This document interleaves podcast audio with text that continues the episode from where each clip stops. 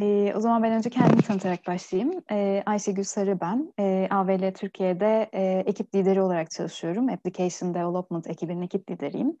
5 e, senedir AVL'de çalışıyorum. E, 2013 yılında Boğaziçi Üniversitesi'nden bilgisayar mühendisliğinden mezun oldum. E, bu sene de yine Boğaziçi Üniversitesi'nde yazılım mühendisliğinde yüksek lisansımı tamamladım. E, ekiplerimizin neler yaptığıyla ilgili e, sunumda bir ara bahsedeceğiz. O yüzden e, Emre'ye sözü bırakıyorum şu anda. Teşekkür ederim Ayşegül. Ben de Emre Kaplan. Bazılarınız eğer şey aldıysanız Agile, Software Development veya Software Design Patterns derste denk gelmiş olabiliriz. ben de e, ABD Türkiye'de yazılım ekibi lideriyim. E, bizde üç tane yazılım ekibi var. Ayşegül'le beraber bu ekipleri yönetiyoruz. E, onun dışında yani bunun beraberinde de Özyeğin'de 3 yıldır e, CS bölümünde dersler vermekteyim. Bunlar daha çok CS seçmeli dersler. Elektronikten de arkadaşlar alıyorlar. E, onlara da bekleriz. Bu dönem Agile var ya da önümüzdeki dönem Design Patterns'a sizleri de bekleriz her zaman.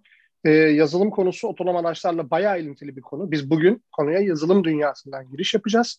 Daha doğrusu otomobilin geleceğine ne vardan bahsedeceğiz. Ayşegül bize biraz anlatacak. Sonra ben size biraz Virtual Validation'dan ve güncel challenge'lardan bahsedeceğim. Bir sonraki session'a da bu işin robotik kontrol tarafına daha fazla değiniyor olacağız. Onu apayrı bir session olarak zaten planlıyoruz. Diyerek sözü Ayşegül'e bırakayım. Buyurun. Teşekkürler Emre. Ekranımı paylaşıyorum. Görüyorsunuz değil mi şu anda sunumu? Tamamdır. E, bugün sizlere e, Feature of Vehicles konusunda bir sunum yapacağız.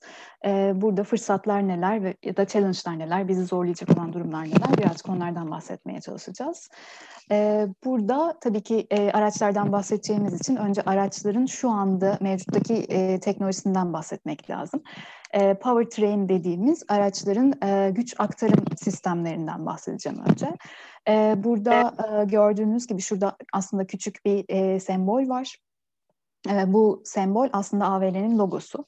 Bu AVL'nin logosunda beş tane birbirine benzeyen parça var. Bu e, her bir parça aslında aracın e, powertrain sistemindeki e, bir aksamı temsil ediyor. Nedir bunlar? Mesela e, combustion engine dediğimiz içten yanmalı motor e, ya da elektrik motoru ya da batarya dediğimiz aslında aracın içerisinde güç üretilmesini ve bu güç e, üretilen gücün depolanmasını sağlayan aksamlar.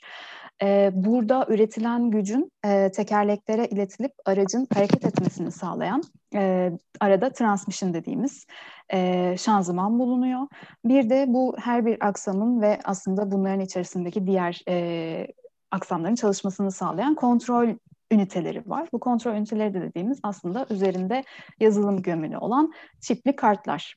Ee, bunlar aslında e, powertrain'i oluşturan temel element, elementler. Ee, bu elementler e, aslında günümüz teknolojisinin e, core noktasını oluşturuyor ama burada şu anda mevcutta konulmayan ama aslında çok önemli altıncı bir element daha var. Aslında software dünya, otonom otomobil dünyasının e, yöneleceği e, vizyonda e, bizim için çok önemli bir element daha var. E, bu da software. Software'in e, öneminden bahsedecek olursak yine e, bir otomobilin e, gelişimine bakmamız lazım. E, burada işte solda e, 1905 yılında üretilen e, ilk seri olarak üretilen aracı görüyorsunuz. Bir de e, sağda 2018 model bir e, BMW 3 seris e, aracını görüyorsunuz. Aslında burada e, aradan e, yüzden fazla yıl geçmesine rağmen değişmeyen bazı şeyler var. Neler? İşte e, dört teker varmış, yine dört teker var. Direksiyon var hala. E, sürücünün ve yolcunun oturduğu koltuklar var. Bunlar çok fazla değişmemiş. Tabii ki de teknolojik değişimlere uğruyor. Şu anda çok daha fazla konforlu e, ya da e, teknoloji destekli diyebiliriz ama e, özetle e, yine çok benzer. Ama e, yazılım söz konusu olduğunda bu öyle değil. Aslında birazcık e, şu an şey gibi bir durumdan bahsedebiliriz. Hardware anlamında e, biraz e, gelinebilecek e, noktaya gelindi, biraz tıkanıldı. E, esas gelişim ve değişim e, software'de olacak şeklinde görülüyor diyebiliriz. E, gördüğünüz gibi burada 100 senelik bir e, süreç var, aracın değişimi ortada ve buradan nereye gideceğimiz şu anda aslında bütün dünyanın e, çok hot topic olarak saydığı bir konu. E, burada e, Society of Automotive Engineers diye bir topluluk var. E, burada e, bu topluluğun e, chairmanlerinden biri olan bir arkadaşım bir sözü var. Aslında e, onlar aracı e, tekerlekler üzerinde hareket eden bir bilgisayar olarak tanımlıyorlar. Burada kastedilen şey ne? İşte 30 ya da 30'dan fazla bilgisayarın tekerlekler üzerinde hareket etmesi denilirken kastedilen şey. Gördüğünüz gibi aslında aracın çok fazla içerisinde bulunan farklı işlevleri olan her bir e, aksamının arka planında o aksamı kontrol eden bir yazılımın olması burada kastedilen. E, mesela işte yağmur sensörü, ışık sensörü, ışık sensörlerinin etkisiyle otomatik olarak farların açılıp kapanılmasını kontrol eden yazılım ya da e, aracın e, direksiyonuyla ilgili e, olan şeylerden bahsedecek olursak e, kruz kontrol yazılımları, aracın kendi hızını etrafındaki e, araçlara göre e, ayarlayan, otomatize eden yazılımlar ya da e, silecekleri kontrol eden yazılımlar, infotainment sistemindeki radyodur, telefonunuzu bağlıyorsunuz ya da e, navigasyon sistemi, e, bunların arka planındaki yazılımlar. E, sürücünün oturduğu koltukların ayarlarının hatırlanması gibi şeyleri kontrol eden e, arka plandaki yazılımlar gibi gibi aslında çok fazla uzatmak istemiyorum. E, çok fazla yazılım söz konusu aracı üzerinde. E, şu ana kadar bahsettiğim şeyler aslında hep mevcut durumu temsil ediyordu. Mevcut durumda bunlar var. Peki nereye gideceğiz biz? Burada e, özellikle Volkswagen'den bahsetmek lazım. Çünkü e, Volkswagen e, çok fazla yatırım yapmış durumda. Bu araçlar için software'in çok önemli bir noktaya geleceğine inanan e, önemli OEM'lerden birisi Volkswagen. E, Volkswagen'in e, yönetim kurulu başkanı diyor ki e, ileride araç aslında e, çok kompleks bir software product'ına dönüşecek diyor. Bunu öngörüyor. E, şu anda Volkswagen e, çok fazla yatırım yapmış durumda dedim. E, kendi operating sistemlerini geliştirmeye başladılar. E, ve Internet of Things söz konusu olduğunda aracın çok büyük bir Internet of Things hub'ı olacağını öngörüyorlar. E, buradan e, aslında farklı bir konsepte e, geçmek istiyorum. Burada e, şurada gördüğünüz gibi bazı harfler söz konusu. Daha önce hiç bu tarz harflerle karşılaşan bu harflerin e, neyi sembolize ettiğini bilen var mı aranızda? Case diye bir şey duydunuz mu? Yani duymamış olabilirsiniz çok normal ama e, otomotiv dünyasında şu anda e, çok e, önemli bir vizyon aslında bu. E, hep araçların geleceğinden bahsediyoruz, yazılımın çok önemli bir hale geleceğinden bahsediyoruz. E, Daimler'in e, aslında yayınladığı bir paper'ın e, ortaya koyduğu bir vizyon. Burada araçların connected, otonom, e, şehirden services ve electrified olacağı yönünde bir vizyon söz konusu. Hatta Daimler diyor ki yani bunlardan herhangi biri olmayacak bizim ürettiğimiz araçlarda dördü birden olacak e, gibi bir öngörüleri var ve diğer e, önemli OEM'ler de yine bu vizyonu sahiplenmiş durumdalar.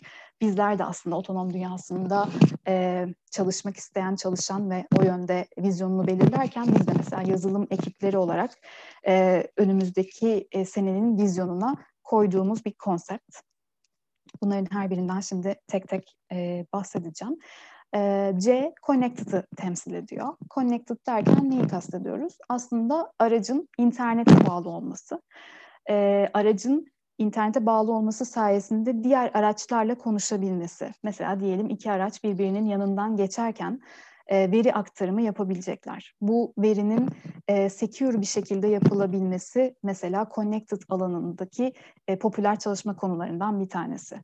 Aynı şekilde e, araçların birbirleriyle konuşması e, konsepti V2V, Vehicle to Vehicle diye geçiyor. E, araçların insanlarla konuşabilmesi ya da trafikteki diğer akıllı, internete bağlı olan e, trafik işaretleriyle yolla konuşabilmesi gibi konseptler söz konusu. Bütün bunlar aslında e, haberleşme mühendisi e, mühendisi arkadaşların e, yoğun olarak çalıştığı popüler konular arasına giriyor connected'ı bu şekilde özetleyebilirim. Bir de otonom var. Tabii ki hepimizin e, hayatında hani önemli bir yere sahip, e, hepimizin belki kariyer planında e, işte kafasını kurcalayan e, otonom çok önemli bir yere gelecek. Acaba ben de otonom konusunda çalışsam mı diye bizi cezbeden bir konu. Otonom konusunu ben şu anda küçük tutacağım. Bizim sunumumuzun aslında çok büyük bir parçası değil ama e, Emre'nin de biraz önce bahsettiği gibi bu konuyla ilgili e, daha sonra tekrar e, sessionlar yapıyor olacağız. E, burada mesela sağ altta e, gördüğünüz bir resim var. Bu 1960'lar yılında bir dergide yayınlanmış. Geleceğin araçları böyle olacak diye öngörülmüş. Çok e, hoş bir resim. E, aslında evet hala daha birazcık uzağız belki o resimden ama o yöne doğru gidiyoruz. Otonom söz konusu olduğunda önemli konseptlerden bahsedecek olursak mesela lane change keeping siz trafikte giderken aracınızın siz karışmadan e, şerit değiştirmesi uygulamaları ya da şeridinden çıkmaması, lane keeping dediğimiz e, aynı şerit üzerinde kendi kendine devam edebilmesi e, ya da park assistant diyebiliriz e, ya da önemli kritik anlarda fren sisteminin kendi kendine devreye girmesi gibi e, birçok farklı e, konu var aslında otonomun e, çalışma alanları içerisinde. Dediğim gibi bunlarla ilgili de ayrıca bir session yapıyor olacağız ve orada detaylı konuşuyor olacağız. E, Shared Services e, birazcık daha aslında e, yazılım mühendisi arkadaşların, yazılımla ilgilenmek isteyen arkadaşların e, daha fazla e, nasıl diyeyim ilgi duyabileceği ve iş alanı olarak e, sayabileceğimiz bir alan aslında. Burada Shared Services'tan kasıt birazcık daha şey günümüzde mesela e, otomotiv sahipliği çok önemli. Hani e, aslında birazcık statü göstergesi. Hani otomobilin modeli, segmenti. İnsanlar hani e, sadece bir yerden bir yere gitmekten farklı anlamlara da e, geliyor otomotiv otomobil sahipliği. E, burada güzel bir örnek var aslında Emre'nin verdiği. Mesela e, büyük bir ihtimalle aramızda hep genç arkadaşlar olduğu için kimse hatırlamayacaktır. Ben de çok fazla hatırlamıyorum ama e, mesela modem sahipliğini düşünebilirsiniz. Modem sahipliği aslında bundan 15 yıl öncesinde insanların modeminin özelliklerine göre gidip e, modemini yenilediği bir e, durum söz konusuydu. Hani modeminiz artık sizin isteklerinizi karşılamıyor ve gidiyorsunuz işte Teknosa'ya farklı özelliklere sahip bir modem alıyorsunuz. Herkes modeminin kapasitesini biliyor, giriş çıkışlarını biliyor, markasını biliyor gibi. E, şu anda da mesela otomobiller için bunu söyleyebiliriz. Nasıl ki e, modem artık hani bizim hayatımızda sadece bir servis sağlayıcısı haline geldiyse otomobiller için de yine böyle bir öngörü söz konusu. Yani ileride öyle bir yere geleceğiz ki artık otomobilin markası, segmenti, işte bu daha bir sürü akla gelebilecek özelliği aslında bizim için çok fazla bir anlam ifade etmeyecek. Sadece işte e, otonom seviyesi ya da e, security konusundaki konsörlerine bakarak bunları servis sağlayıcıları sayesinde kullanıyor olacağız. Bir yerden bir yere giderken e, bunu kiralayacağız gibi bir dünya öngörülüyor. Aslında e, daha başka konular da var burada. İşte nüfus artışı nedeniyle ya da işte e, çevresel faktörlerle de bu yöne gitmenin dünyanın hani sürdürülebilirlik enerji konusunda da daha çıkarını olacağı gibi gibi konulardan ötürü.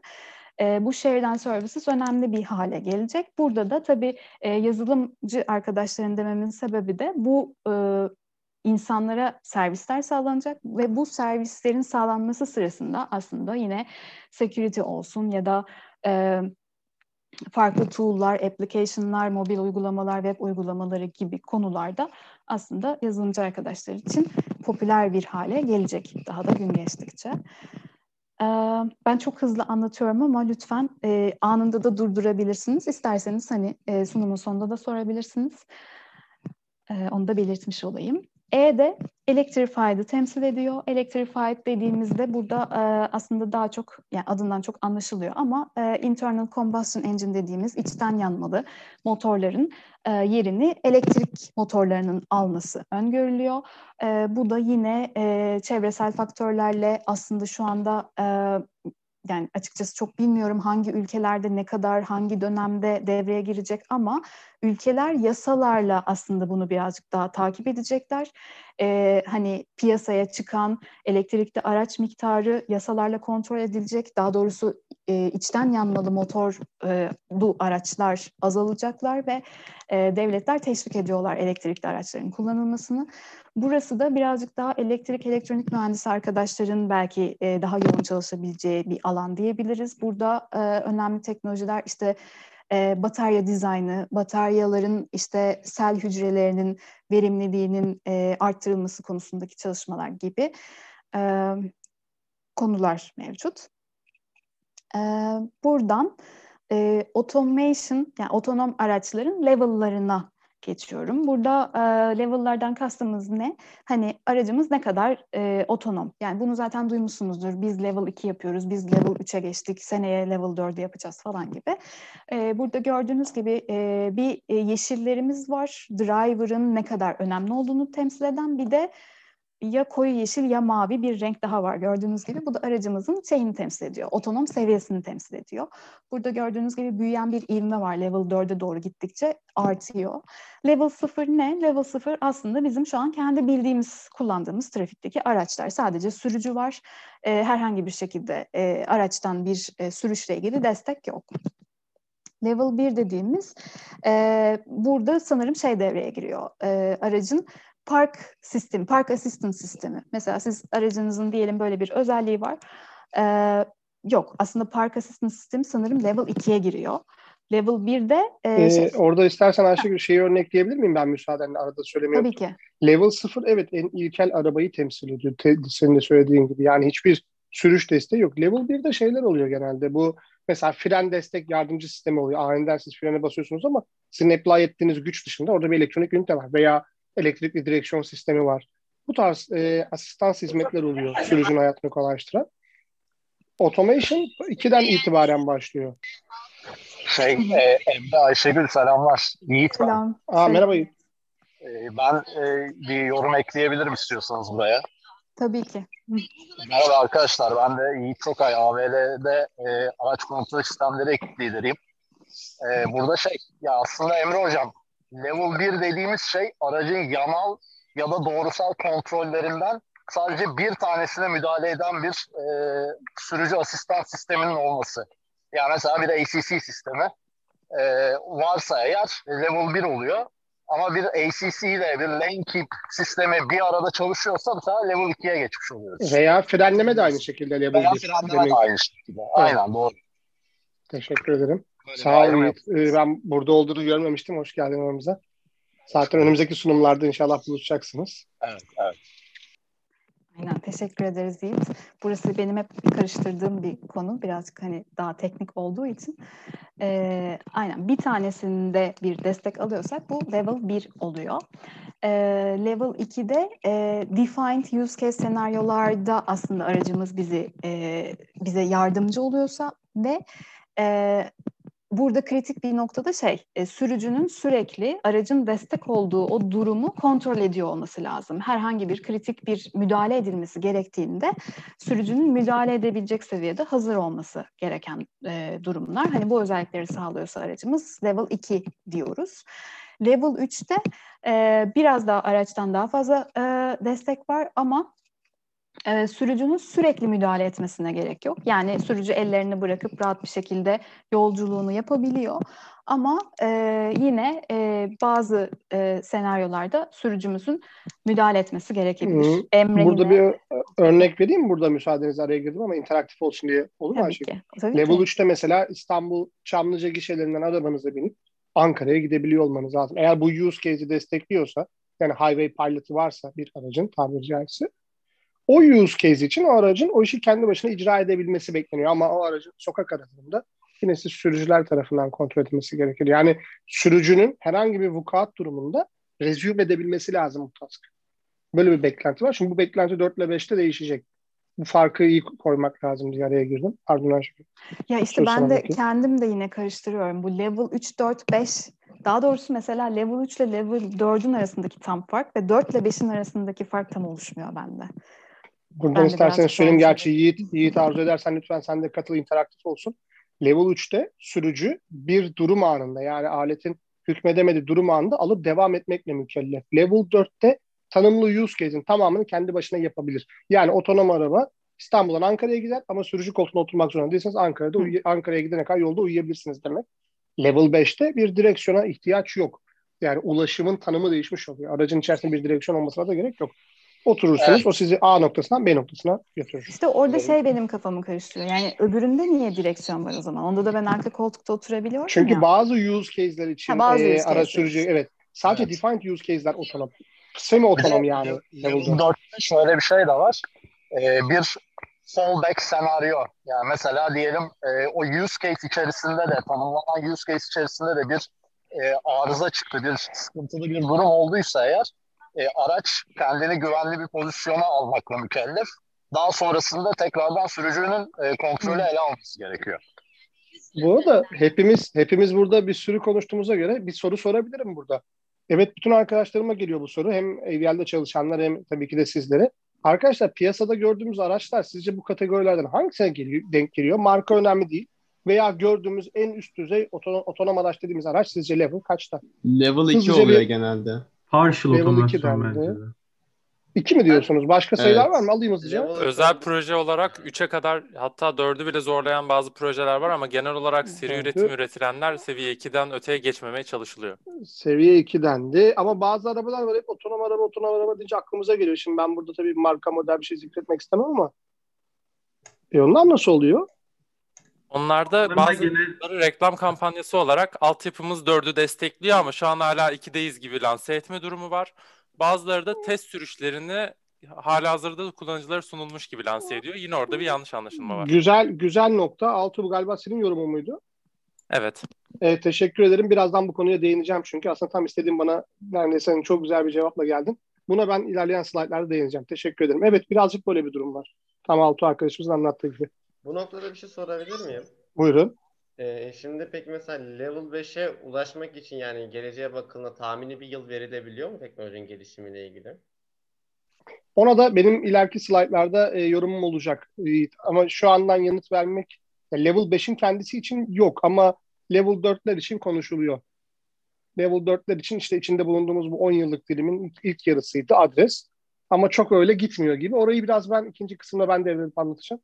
Şimdiden sürprizini bozmayayım diyeyim. Tamam. Başka soru yok sanırım. Devam ediyorum o yüzden. Bunlar e, automation level'larıydı. E, peki expectation'lar nelerdi otonom araçlarla ilgili ya da hala e, expectation ne yönde? E, mesela Tesla 2023'te first fully autonomous car'ın trafiğe çıkacağını düşünüyor. Hatta bunun da bu regülasyonlar yüzünden aslında 2-3 sene artı eksi oynayabileceğini düşünüyor.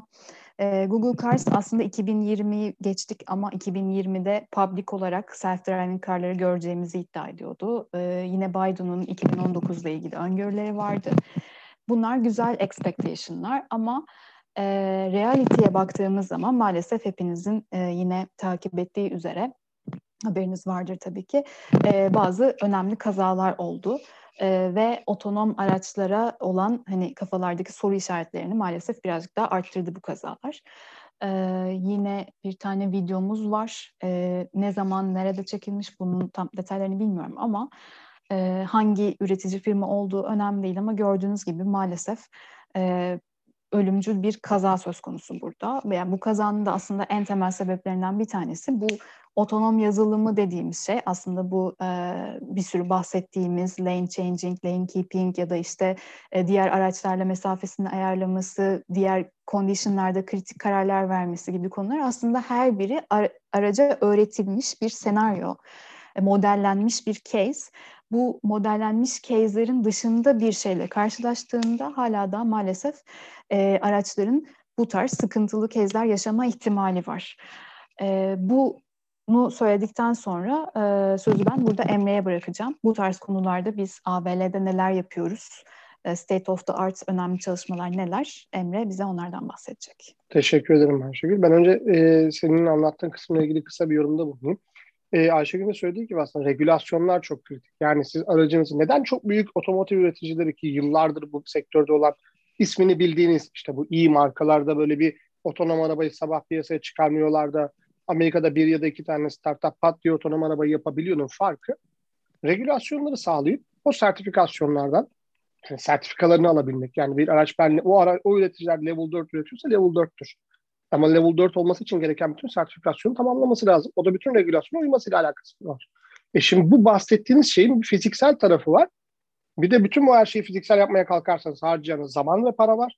Öte yandan bir de otonom araba, yani şimdi bugüne kadarki araba regülasyonları da içinde bir driver'ın, bir yani insan zekasının sürdüğü veya denetlediği diyeyim en azından e, sistemle kurulmuş idi.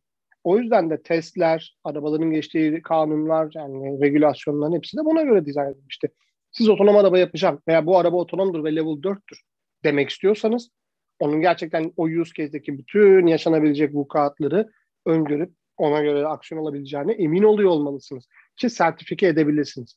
Bu noktada devreye tabii ki virtual validation konusu geliyor. Şimdi bugüne kadar hep duydunuz otonom araba aşağı, otonom araba yukarı, otonom araba yapmak. Evet özellikle robotikçilerin dream joblarından bir tanesi arabayı kontrol ediyor. Harika süper. Bunun zaten ayrıca bir slotu var. Biz yazılım ve otonom teknolojileri departmanı olarak işimiz gücümüz bu tabii ki ama bu resmimi de az bilinen taraf var. Biz birazcık daha yazılımdan ve az bilinen tarafından başlayıp sizin daha sevdiğiniz konulara doğru geliyor olacağız. Bu tarafını da bilin isteriz. Çünkü bu tarafı olmayınca öteki de maalesef çok olmuyor. Bu tarafı şöyle. Bu ürünleri sahaya çıkaracaksanız yani bu fonksiyonları, bu araçları sahaya çıkaracaksanız kurallara uymalısınız, uymalısınız ve sertifike olmalısınız. Peki nasıl sertifike edeceğiz? Bugüne kadarki testlerin içerisinde bir insan vardı. İnsanın araba sürmesine göre testler dizayn edilmişti. E, insan yoksa ne olacak? İşte bu sorunun cevabını verebilmenin birkaç katmanı var. Biz ne yapmaya çalışıyoruz? Önce ondan bahsedeyim. Özür dilerim. Biz şunu yapmaya çalışıyoruz arkadaşlar. Senaryolar ve test case'ler yaratalım ki bu ADAS fonksiyonlarını sanal ortamda test edebilelim. Büyük çene bir, bir, bir büyük veri altyapısında olabildiğince gerçek sensör verilerini tutalım. Bu sensör verilerinden al, yolu veya sahneyi algılayalım. Olabilecek bütün anomalileri mümkünse detect edelim. Bunları birer test case haline senaryo, o senaryolardan üretilen test case'leri haline getirelim ve götürüp bunları sanal ortamda bir simülatör vasıtasıyla mesela test edelim ve bütün bu hikaye daha arabanın fiziksel hali yola çıkmadan yaşanıp siz bir ADAS fonksiyonu geliştiriyorsanız bütün bu süreçlerden geçebilsin. Sonra sahaya çıkıp aynı testlerin hemen hemen çoğunu tekrar edin. Böylece de bir maliyetten geliştirme açılmasında kurtulun.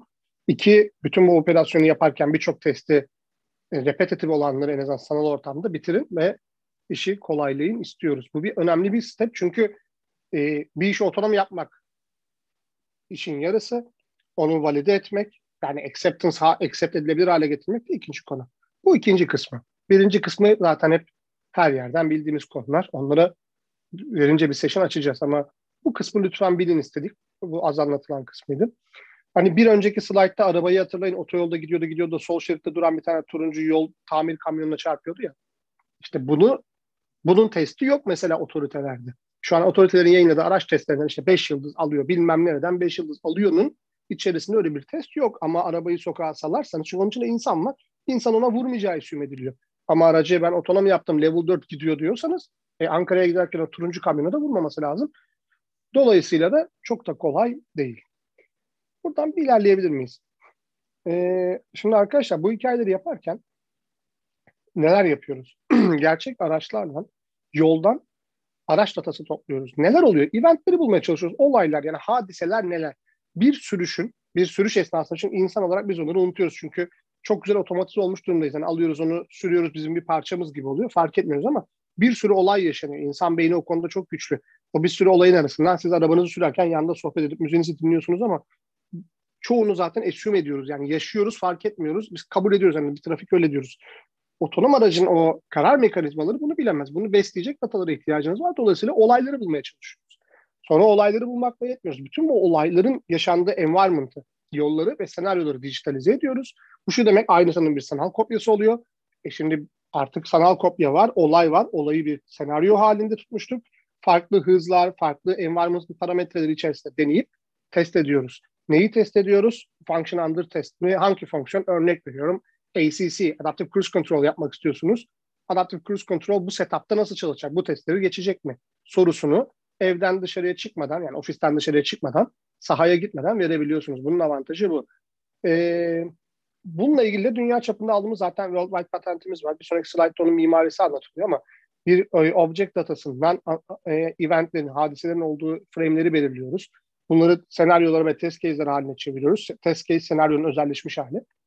Belli bir işte bazı yazılımlar sayesinde ki geliştirdiğimiz yazılımlar. Database'de bunları saklıyoruz, gösteriyoruz. Artık hangi fonksiyon ve ne test edilecekse ona göre query edip test ediyoruz. Senaryolara gönderiyoruz. Şey simülatörlere gönderiyoruz. Simülatörlerde de test ediliyor. Sonuçlar KPI'ler KPI'lere göre hesaplanıyor ve kaydediliyor. Böyle uçtan uca bir mimarimiz var. Bunu işletiyoruz. Böylece de mesela size bu anlattığımın gerçeğini göstermiş olayım. Solda bir araç, target on front, öndeki araç katin senaryosu yapar. Yani bizim önümüze geçme yapar. Bakın aynısını mesela simülatörde izleyeceğiz. Kırmızı araba orada göstermiş. Burada da minibüs önümüze atlamıştı gördüğünüz gibi. Aynı sahneyi canlandırabildik. Bu çok kritik bir konu. Size ben mesela 12 saatlik bir sürüş videosu versem içinden bu eventleri bulabilir misiniz? Bir challenge. Burada işte yapay zekanın makine öğrenmesinin e, çok fazla e, tabiri caizse ekmeğini yedik bu konuları bilmek önemli hale geldi. Peki bu dijitalize ettiğiniz şeyleri nerelerde ediyoruz? Buna da simülatörler diyoruz. Ee, bir otonom aracın geliştirilmesi sırasında bütün test senaryolarını sokakta koşturabilmek bir arabayla ve hatta bunun kaza maliyetlerini olası e, zararlarını düşünürseniz çok feasible değil ekonomik açıdan. O yüzden yazılım tabanlı simülatörler, software in loop sistemler, hardware in loop sistemlerle çeşitli katmanlarda bu ürün sokakta test edilmeden önce e, sınanıyor. Bunlardan en temeli tabii ki simülatörler en kolay ulaşılabilir olanı. Senaryoları ve ADAS algoritmalarını verip ADAS algoritmalarının bu senaryolar altında nasıl e, perform ettiğini görüyoruz. Bunları da grafik olarak gösterebiliyoruz. Şu an Unreal Engine tabanlı bir simülatörümüz var. E, ROS dediğimiz Robot Operating System ki çoğunuzun zaten tahmin ediyorum özellikle e, mekatronikçiler, makineciler bunu çok iyi biliyorsunuz benden değil. ROS'la görüşüp bu işleri yapmaya çalışıyoruz. Neler yapıyoruz? Environment'ı 3D modelledik. AI-based aktörlerimiz var. E, bir geri gelin her şey. Teşekkür ederim. Yani o yanda gördüğünüz diğer çevresel aktörlerde onlar da AI-based. Onlar sabit bir senaryo oynamıyorlar.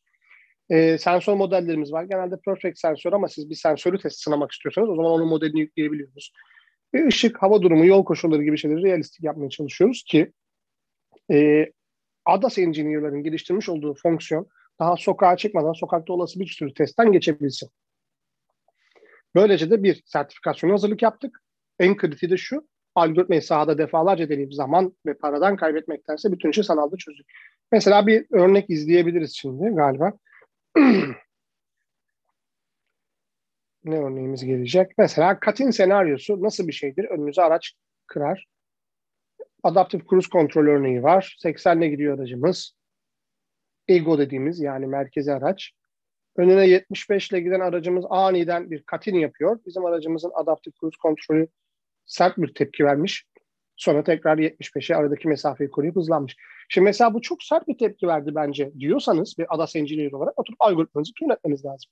Çünkü buradaki controller yazılımı ADAS Engineer'in yazdığı yazılımlar. Bu da simülatör size bu ortamda hiç sokağa çıkıp bu sahneyi yaşamadan bunu deneyimleme veya eğer kodunuzu test ediyorsanız test, debug ediyorsanız debug etme fırsatı sunuyor.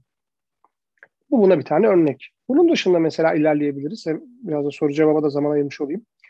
E, son zamanlarda ne yaptık? Platooning yaptık. Bunu çokça duymuşsunuzdur büyük ihtimalle. Ford'la beraber AVL'in ortak yapmış olduğu tırları peş peşe koyup e, götürmeydi. Bu da simülatörde onun karşılığı. Geliştirme yapılırken tabii simülatörümüzü kullandık algoritmamızı geliştirirken. İki tır birbirini takip ediyor burada. Ve bunlar tabii mümkün mertebede yakın takip ediyor. Denemek istediğimiz senaryo bir tır aradan çıkarsa ne olur ya da araya tır girerse ne olurdu? Bunları deneyebildik.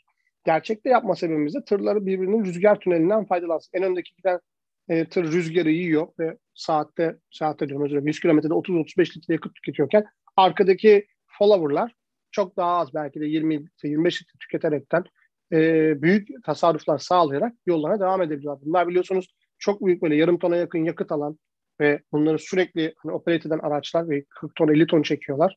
Bunları böyle dip dibe götürmek bir konu. Dip dibe giderken birbirlerinin rüzgar tünelinden faydalansın böylece de yakıt sarfiyatını azaltsın ikinci konu. Yani bunu yaparken e tabii öndeki controller bir karar veriyor, frene basıyor. Arkadakine de bu bilginin gitmesi lazım. Communication bir diğer konu. Bütün bunları düşünüyorsanız otomatik cyber security bir başka konu. Yani iki kamyon birbirini izliyor ve biri diğerine mesaj atıyorsa arka planda bir tabiri caizse devran dönüyor ve bir sürü challenging konu var. En azından şu saydığım dört kalem bilgi, dört kalem konudan iş var. Bu hub to hub dediğimiz bu bizim bir Avrupa Birliği projemiz. İşte bir hub'dan bir hub'a e, kamyon yük götürüyor. Bu arada bu e, gerçekleşebilecek bir senaryo. İsmi önemli olmayan büyük bir kamyon üreticisi, heavy duty üreticisi limandan kendi yerine, kendi yerinden limana mesela yük götürüp getirecek otonom tırlar yapmak istiyor olabilir. Onun için bir hazırlık olarak bir Avrupa Birliği projemiz bu. Ee, yani illa otonom olması demek sokakta biz bineceğiz de işte evden ofise veya üniversite, üniversiteden bir yere gideceğiz gibi de değil de biraz da böyle ticari uçları var. Bunu söylemek istiyorum. Ee, birazcık da şu ben dediğim gibi hani otonomdan ziyade software tarafından yaklaşacağım konuyu. Çünkü genelde kontrol tarafından yaklaşıyorsunuz. Birazcık o algıya da update etmek için bunu yap, yapmak istiyorum. Şimdi bu level 3'e kadar olan ki yolculukta e, şey vardı. Çok güzel bir e, kontrol mühendisliği vardı, makine mühendisliği vardı, mechatronics vardı. Bu arkadaşlarımızın yapmış olduğu muhteşem katkılar var. İşte elektronik elektronik mühendisleri arkadaşlarımızın yaptığı embedded software'ler var, real time operating system'lar var. Mesela ABS fren dediğiniz şey bir e, aslında real time computer o frene yani o sensörlerden veri alıyor tekerleği kitlemeden yapması lazım ne bileyim veya ESP arabanın stabilite programı hakeza yani bunların hepsi birer bilgisayar. Buradaki kodlamalar vardı, C'de yazıldı, otomotiv endüstrisinin standartları var. İşte ISO 26262 var, buna uyması lazım, safety var. Bir sürü kavram var. Bunlar evet. Bunlar cepte. Şimdi bunlar hep vardı. Ama level 3'ten level 5 olan Endeavor'da buradaki e, yolculukta bu biraz da exploration var. Daha çok high level kompütürlerin, daha güçlü bilgisayarların, daha fazla yazılımın devreye girdiği dönemler. Neler? Neler bunlar? Çünkü araca bir kere komut vermek istiyorsunuz, kontrol etmek istiyorsunuz sensörleri. Yapay zeka teknolojileri var, karar mekanizması var. Topladığınız veriyi analiz edip anlamlandırma var. Eğer simülatörde koşuyorsanız simülatörde o aracı develop etme var, modelleme var. İşin kalibrasyon tarafı varsa onun modellenebilmesi, daha otomatize edilebilmesi var.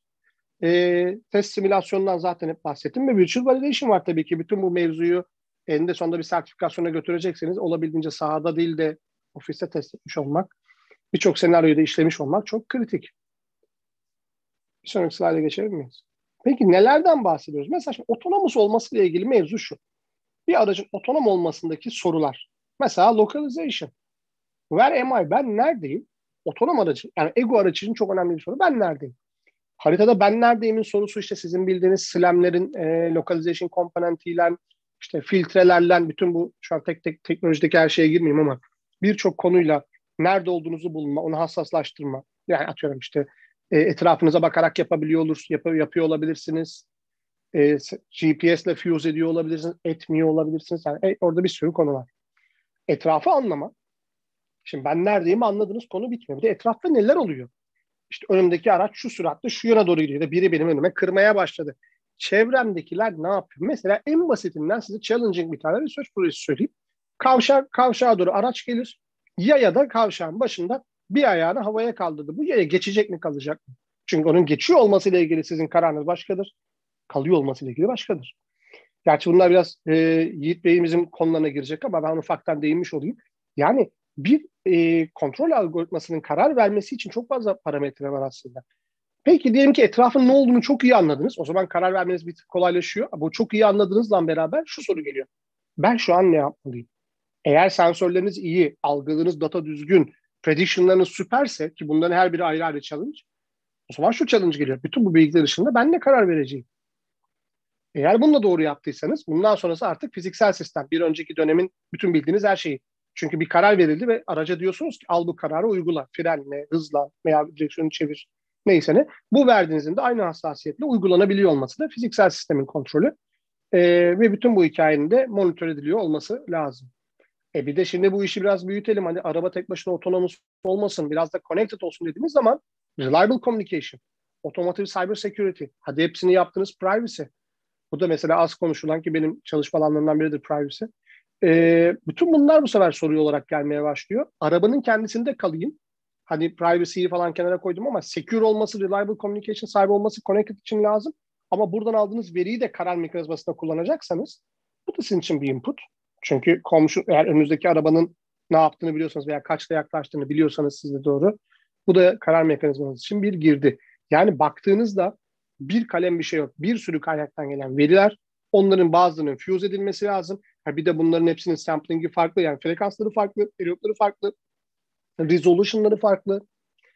Yani demem o ki burada software ile çözülebilecek çok fazla iş var. Sensör level'ında var, hardware level'ında var. Bir üst katmanda AI'da var, decision making'de var. Dolayısıyla aslında bu slaydı ben biraz anlatmış oldum. Birçok kavramla ilgili yazılımın girmiş olduğu konu var. O yüzden yazılım ve otonom teknolojiler çok e, iç içe geçen konular. Bir sonraki slayda gelebilir miyiz? Biraz AVL'yi tanıtayım ben. Ondan sonra soru cevaba geçelim. AVL ne iş yapıyor peki? Şimdi bu kadar AVL AVL dedik. Bu şirket ne yapar? AVL dünya çapında bağımsız olan dünyanın en büyük otonom e, özür dilerim, dünyanın en büyük oto, otomotiv danışmanlık şirketi. E, bir kere bağımsız. İkincisi de büyük bir e, hacmi var. 10 binden fazla mühendisi var. Ve gelirinin %10'unu da research'a ayırıyor. Bu da çok büyük bir rakam aslında. Bu global bir network. AVL sadece Türkiye'de dünyanın çeşitli lokasyonlarında var. Bir sonraki slaytta galiba göreceğiz. Ya da iki sonraki slaytta neyse geldiğimizde görürüz. Evet, global bir network var. Biz de Türkiye olarak iki tane ARGE merkeziyle bunun bir parçası halindeyiz. Bir önceki slayda gelebilir misin lütfen? AVL kime iş yapıyor? AVL bir danışmanlık firması. O yüzden AVL logolu bir araç veya AVL logolu bir ürün görmezsiniz. Ama bindiğimiz, kullandığımız araçların birçoğunda, bayağı büyük bir çoğunluğunda AVL teknolojisi vardır. Kiminin şanzımanında, kiminin motorunda, kiminin kalibrasyonunda, kiminin e, dizaynında ve bu farklı farklı segmentlerde yani racing'de de vardır, passenger car'da da vardır, kamyonda da vardır, transmission'da mesela çalışan ekiplerimiz var. Türkiye'de de öyle. Hatta daha da büyüteyim işi lokomotif, gemi sektörü, marine ve power plantler. Yani powertrain engineering'in geçtiği her alanda veya simulation testing'in ihtiyaç olduğu her alanda aslında AVL hizmet eder. Ama siz AVL logolu ürün görmezsiniz çünkü kendisi danışmanlık firmasıdır. İki sonraki slayda gidebiliriz. Biz peki AVL Türkiye olarak neler yapıyoruz? AVL Türkiye 2008'de kuruluyor. Hızlı bir büyüme grafiği var. E, iki tane ARGE merkezi var. Biri Sancaktepe'de, biri Sultanbeyli'de. Biz Sultanbeyli'deki ofisteyiz. E, 2017'de en hızlı büyüyen 100 şirketten biriyiz Türkiye'de. 2018'de çok enteresandı. TİM'in en büyük ihra, otomotiv ihracatçılarında üçüncüyüz. Şimdi otomotiv, Türkiye'deki otomotivcileri düşünürseniz üçüncü olmak. Mühendislik hizmeti satarak sadece hiçbir cihaz bir şey satmadan bir, güzel bir başarı bizler için. Ee, büyükçe bir sayıda 200'ün üzerinde mühendisimiz var. E, bunların büyük çoğunluğu %50'den fazlası master sahibi e, en azından bir yüzde tahmin ediyorum 8'i onu da doktora sahibi çalışanlarımız var. Onlarla beraber daha çok research çalışmaları yapıyoruz. E, departmanlarımız neler? Biraz design departmanı var. Bunlar e, CAD uygulamaları, işte bu cihazlar, parçaların çizimi veya onların analizlerinin yapılması, statik analizlerinin yapılması gibi işler. E, kalibrasyon departmanı var büyükçe, motor ve araç kalibrasyonu. Bunlar hem egzoz gaz emisyonu olur veya motorla ilgili olabilir. Bunları e, yapıyorlar. Powertrain Control Systems var. Bunlar transmission geliştirme, yani şanzıman sistemleri geliştirme, motor ünitesi geliştirme, hibrit araç geliştirme gibi işler yaparlar. Bir de bizim içinde bulunduğumuz Software and Autonomous Driving e, Technologies Departmanı var. Burada şu an eski ismiyle Electronics fakat biz yeniden restructure olduk. Bizde artık Software and Autonomous Technologies bir departman. Dolayısıyla bize anlatayım. Bizim işimiz yazılım tabanlı işler yapmak, otonom aracı sokağa çıkarabilecek bütün çalışmaları yapmak esasında. Ee, ben de aynı şekilde bu departmanın altında hizmet veren ekiplerde ekip liderliği yapmaktayız. ARGE olarak ne yapıyoruz? Önce lokal bir ARGE'den bahsedeyim. Türkiye'nin en büyük ARGE projesi olan TÜBİTAK 15-15'i yürütüyoruz. Bu çok büyük bütçeli, uzun yıllar olan bir proje. Amacımız Türkiye'de bir otonom araç teknoloji laboratuvarı yapmak ki bu doğrultuda ilerliyoruz. Ee, bu noktada bazen basına çıkıyor görmüşsünüzdür yaptığımız otonom araçla ilgili, otonom araç çalışmamızla ilgili bir aracımız var, çalışıyoruz. Ama son durumuyla ilgili genelde şeyizdir yani bir tık daha e, lansman bekliyoruz. Öyle söyleyeyim onu üst yönetimimizin okeyle anlatmam daha uygun olur. Bir gün eğer fizikselde olursa yüz yüze aracı da getiririz, görürüz. Ofis şeyde, üniversitede ya da siz bize gelirsiniz. Ama şöyle söyleyeyim, fonksiyonların birçoğunu işte demin Yiğit'in de bahsettiği gibi ACC, LK gibi şeyleri Türkiye'de yerli ve milli burada hep beraber implement ediyoruz. E, son olarak da biz yazılım ekipleri olarak ne yapıyoruz peki? Bu hikayenin biz neresindeyiz? Bu hikayenin biz şurasındayız. Biz genelde yapay zeka, machine learning işleri yaparız.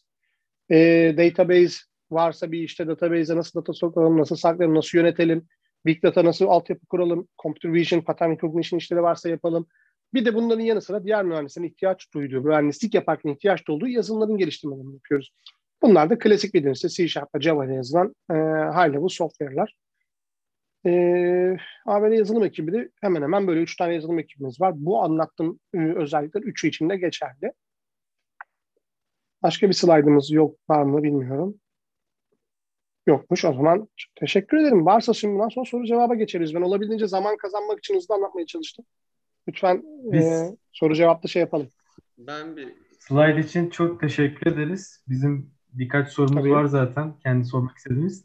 Sonrasında da chatten de arkadaşların da sorularını alırız. Fatih senin varsa ilk başta Tamam, sorabilirsin. Free talk şeyden- arkadaşlar buyurun. Şunu merak ediyorum. Şimdi e, o mesela test case'lerden bahsettik. Ondan sonra belli kararlardan bahsettik. Yani onların implementasyonlarından bahsettik. Peki e, mesela bunları hangi programlama dillerinde ağırlıklı olarak e, yapıyorsunuz? Yani mesela firma olarak kullan kullanılan yani Hı hı. bir öğrenci atıyorum şu an mesela otonom alana ilgi duyan bir öğrenci hangi programlama dillerine yönelmesi lazım ki Güzel soru. daha çok şans Teşekkür bulsun? ederim. Teşekkür ederim. Güzel soru. Bununla ilgili iki cevap vereceğim. Şimdi bu otonom araç işinin e, kontrol tarafında olacaksanız e, otonom araçların hani kontrolünü yapayım, karar mekanizmalarını yapayım. Orada bilmeniz gereken dillerde tabii ki hani ben benim gözümden öncelikle söyleyeyim her mühendisin kendini ifade etmesi için bir İngilizce, iki Python'a sahip olması lazım. Bunu artık standart kabul ederek konuşuyorum. İyi derecede C++ bilmeniz lazım. Tabii define iyi yani iyi tanımla derseniz C++ için zordur. Ta öyle şöyle söyleyeyim orta seviye C++ bilmeniz lazım. Ee, yani okulda aldığınızın üstüne birkaç sene çalışmak bu anlamda faydalı olacak. Bu kontrol tarafı içinde. Eğer bu anlattığım virtual validation gibi işler yapmak istiyorsanız onlar daha high level software. Biz mesela aktif olarak o bahsettiğim test altyapısını patentte göstermiş olduğum konuyu C Sharp .NET Core'la yapıyoruz. Orada bayağı güncel teknolojiler kullanıyoruz. .NET Core 5 var. C Sharp'la geliştiriliyor. Ee, ön yüzünde web, o bir web uygulaması. Bütün o bahsettiğim test case'leri yöneten bir web application orada Angular. Bu işin virtual validation'da kullandığımız test tarafı. Eğer mühendislik tool'ları üretim diyorsanız bunlar daha çok klasik desktop uygulamaları ve bazı hesap kitapları yapar. Bunlar genelde C++. Ee, eğer şey biraz daha modernlerse C Sharp uygulamaları e, yazılım tarafında ağırlıklı bu teknolojiler. Database olarak da tabii e, çok popülerdir bu aralar. NoSQL database'ler mesela Mongo, Couchbase gibi e, konular önemli. Onun dışında tabii ki bir database bilgisi çok e, otonom araç içinde şöyle şeyler lazım. Daha çok stream of data geldiği için Kafka gibi veya ActiveMQ, RabbitMQ gibi message brokerları bilmek, onlarla konuşabilmek. Bu noktada biraz Kafka'yı önerebilirim belki sizler için. Başlangıç olur. Stream API öğrenmek güzel olur. Çünkü eninde sonunda sensörler var. A bunch of sensors sending some data to somewhere. Yani esas problem o. Hani araba da olsa, uza- uzay mekiği de olsaydı aynıydı. O yüzden bu kavramları bilseniz iyi olur. Çünkü bunu aynı zamanda bir, bir faktörde çalışıyor olsanız da aynı şeyler karşınıza gelecek. Bunlar. Peki Bunun dışında tabii e, özür dilerekten sonra bunun dışında bilmeniz gereken tabii başka şeyler de var. Mesela ROS bilmek gibi ama onların detayına ben önümüzdeki session'da gireyim. Çünkü önümüzdeki session'ı komple robota ayıracağız. Önden sadece böyle bir sufle vermiş olayım. Buyurun. Peki mesela o zaman bir yol çizdiğimizi düşünürsek yani o yönde gelişme yolu. İlk adım Python öğrenmek diyebilir miyiz peki bu söylediklerinizden yola çıkarak? Şu an e, içinde bulunduğumuz ortamda bütün arkadaşlarımızın backgroundları nasıl bilmiyorum bu kadronun. Herkesin bölümü ne? Kabaca ne? Yani hangi e, bölümler şu an var ben e, genel olarak. E, ço- büyük çoğunluk elektrik elektronik mühendisliği ve aynı şekilde bilgisayar mühendisliği karması diyebiliyorum ben. Harika. E, birinci sınıf da var, ikinci sınıf da var. Süper. Üç de var, dört de var. Yani Ben şimdi hepinize toplu sesleniyorum arkadaşlar. Mühendislikle ilgili söylüyorum. Yıldız yani yıldız Regular Expression'da star her şeyi ifade eder. Yani bir şeyin mühe- mühendislik yapacaksanız 2020'den önümüzdeki 2035'e kadar İngilizce biliyor olmanız ve Python biliyor olmanız şart. Bu cepte. Yani bir mühendisin kendini artık mühendislik firmasında ifade etmesinin yolu Python'dan geçiyor. Yani en azından bu tarz basit, e, öğrenmesi kolay nispeten scripting dilleri ile kendinizi ifade edebiliyorsunuz. Yaptığınız işi ifade edebiliyorsunuz. O anlamda önemli. Mesela bizim geliştirdiğimiz engineering tool'larının çoğu ki e, Ayşegül'ün ekibi de öyledir. E, daha doğru bilgi verecek. Python scriptlerini support ediyor. Yani biz mühendisler için tool üretiyoruz. Altyapıyı biz C++'la C Sharp'la yazıyoruz fakat onu kullanacak olan kalibrasyon mühendisi mesela kendi o KPI hesabını ya da ne iş yapıyorsa e, meşgul olduğu işi Python'la orada kodluyor. Ayşegül yanlışsam düzelt. Çünkü hatta bununla ilgili daha evvelden eski e, kendi AVL'nin de kendi icat etmiş olduğu diller vardı. Onların hepsini Python'a modernize ediyoruz. Teşekkür ederiz. Benim de bir sorum var aslında. Hem kendi açımdan hem de çevrenden dolayı söyleyeyim. Hani hepimiz ARGE departmanlarında çalışmak istiyoruz Doğru. aslında. Peki yani benim şu anlık hedefim o yani. Ee, peki AVL Türkiye'de şu an R&D departmanında geliştirilen projelerden bahsedebilir misiniz? Tabii top secret değilse hani. Ee, tabii mesela bir tanesinden aslında az önce bahsettiğim virtual validation işi yapıyoruz. Nasıl bir araç sanal ortamda doğrulanır? Bu böyle bir iş yapıyoruz. Bunun dışında AVL'nin e, meşhur olduğu yani AVL'nin sahip olduğu public olan ismini verebileceğim e, Creta Concerto, AVL Drive gibi Drive mesela arabaların drivability'ni, konforlarını veya işte nasıl denir? Aslında her anlamda sadece konfor değil de performans olmak üzere ratinglerini yapan artık ya industry gold standart bir yazılım. Biz bunların geliştirmelerine destek oluyoruz. Bunlar yazılım tarafında yaptıklarımız. Otonom tarafında yaptığımız işlerde de daha çok bu sensör fusion işleri. Mesela sensör verileri geliyor. Onları nasıl nasıl fuse edersiniz, nasıl anlamlandırırsınız yönelik e, büyük bir mimarinin içerisine oturabilecek ufak parça işler yapıyoruz. Öyle zikredeyim. Anladım. Teşekkür ederim. Bir de e, ben YouTube'da gezinirken e, gördüm bir AVL'in bir projesinde E-Traktör isimli bir proje var. Aslında otonom bir şekilde tarım yapabilen e, traktörlerin e, sistemi gibi düşünebiliriz. Hı hı. Yani hep hep e, otomobillerden bahsediyoruz fakat tarım sektöründe de bu şekilde ilerlemek aslında e, hem işçilik maliyetini hem e, verimi arttıracağını düşünüyorum ben. Siz ne düşünüyorsunuz bu konuda onu da merak ediyorum. aslında. Güzel güzel nokta. Yiğit buradaysa Yiğit'e belki burada sözü atabilirim veya e, burada mısın Yiğit? İyi çıktı sanırım. Tamam Evet. ben cevaplayayım. Veya şöyle bu şey bir konsept bir soru oldu. Ayşegül'ün de ayrıca fikrini alalım. Şimdi e-traktör de olsa aslında e, veya otonomuz taksi de olsa birazcık human labor'ı dışarı atıyorsunuz. O işi otonomlaştırıyorsunuz. Evet agriculture'da büyük potansiyel var. Bir de esasen e-traktör değil de belki bir tık daha büyük düşünmek lazım. Hani onun onun da mesela yükünü yüklediği kamyonun da otonom gidiyor olması. Yani tek bir şey değil de böyle birbirine connected otonom sistemlerin olacağı dünyalara bence de gidiyoruz. Bu benim şahsi fikrim. Hani e-traktör belki bence bu işin belki bir başlangıcı. Aynı ama buradaki yöntemler, algoritmalar, esasen otonom yapma algoritmaları aynı. Şey değişmiyor. Core teknolojiler değişmiyor. Sizin onu nasıl kurguladığınız değişiyor. Agriculture'da öyle kurgularsınız. Fleet management yapıyorsanız biraz daha farklı. Hemen hemen aynı şekilde. Aynı, aynı teknolojiyi kullanarak yapıyorsunuz. Yani özetle e, otonomu otonom yapan özellikleri yapmayı yazmayı biliyorsanız ondan sonrası sizin business case'leriniz. Anladım. Teşekkür ederim. Bir de şeyden de bahsedelim tabii. Hani biraz değindik aslında hani hangi yazılım dilleri diye de. Ee, otonom alanında uzmanlaşmak isteyen ya da çalışmak isteyen ya da staj yapmak isteyen öğrencilere verebileceğiniz bir tavsiye var mıdır? Hani şu dersi alın ya da şunu öğrenin tarzından. Ee, şöyle ya buna da ben cevap vereyim sonra da dediğim gibi Ayşegül'e bırakayım buradaki sözü. İki taraftan ondan da duymuş olun. Birincisi e, hangisi level'da olursa olsun yani birinci sınıfta olsa dördüncü sınıfta olsa bu işte çalışacaksanız bir öğrenci kulübünde bu işlere başlıyor olmanız iş mülakatlarınızda sizi bir adım çok net önde başlatıyor. Bu benim gözlemlediğim hani AVL içinde de AVL dışında da bildiğim fakt. Çünkü bir şeylerle uğraşmış olan arkadaşların genelde motivasyonu da biraz belirli olmuş oluyor. Ee, otonom araçları, şey, tekstleri sen toplarsan sevinirim Tolga. Sorulara öyle cevap vereyim. Ee, şöyle bir şey. Birincisi tabii ki de Python bilmek. ikincisi C++ bilmek. Ee, bunlar sizi programlama dili olarak götürecek şeyler. Biraz da ne bilmek lazım? ROS bilmek lazım. Bunun dışında ne bilmek lazım? Ee, birazcık da de, datanın dilinden anlamak lazım. Eğer siz sensörlerle çalışıyorsanız orada çok orada biliyorsunuz o sensörlerin hepsi perfect sensörler değil. Bu piyasadan satın aldığımız sensörler genelde en iyileri de değil. Amacımız ne? Maliyeti düşürmek. Yani o yüzden genelde low cost e, arrays of sensors çok fazla olur. Yani böyle low cost çözümlerin bir araya getirilmişinden bir anlam çıkartmaya çalışırsınız. Dolayısıyla işte onlar kirli olurlar, temizlemeniz lazım. O yüzden filtre bilmeniz lazım. İşte o kalmanları, particle filterleri vesaireleri zaten benden elektronik şey olarak çok daha iyi biliyor olmalısınız. Bütün bunları alt alta koyacaksınız. Bu konuları biliyor olmanız lazım. Biraz sinyal sinyal seviyesinde her zaman iş olur mu bilmiyorum ama işte filtre konuları orada geçtiği için sinyal dersini bilmek önemli. Ee, oradan biraz ileriye getiriyorum. Ee, eğer aracın içerisinde bir cihaz yani bir bilgisayarı yapacaksanız o zaman embedded software development orada sizin için anahtar kelime C şu aşamada. Ama bunun C++'ı döneceğine dair bir vizyonum var ama anahtar kelime C. iyi bir şekilde embedded C bilmeniz lazım. İşte memory management bilmeniz lazım. Gerçekten mesela embedded ekibimiz var. E, oradaki o kadar dar bir dünyada oynanıyor ki oradaki oyun.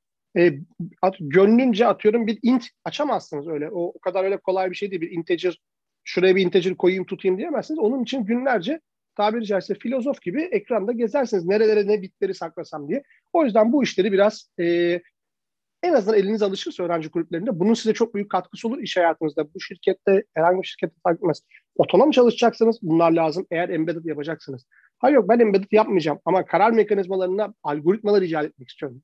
Metotlar icat etmek istiyorum derseniz yani işte bu sensör verilerini anlamlandırma, sahnede gördüğüm şey o zaman genelde daha çok bu işleri Python'la, MATLAB'la yapanlar var. E, bunlar gündemde oluyor. E, MATLAB'ın da Python kadar en azından sizin domeninizde bilindiğini eşyum ederek devam ediyor.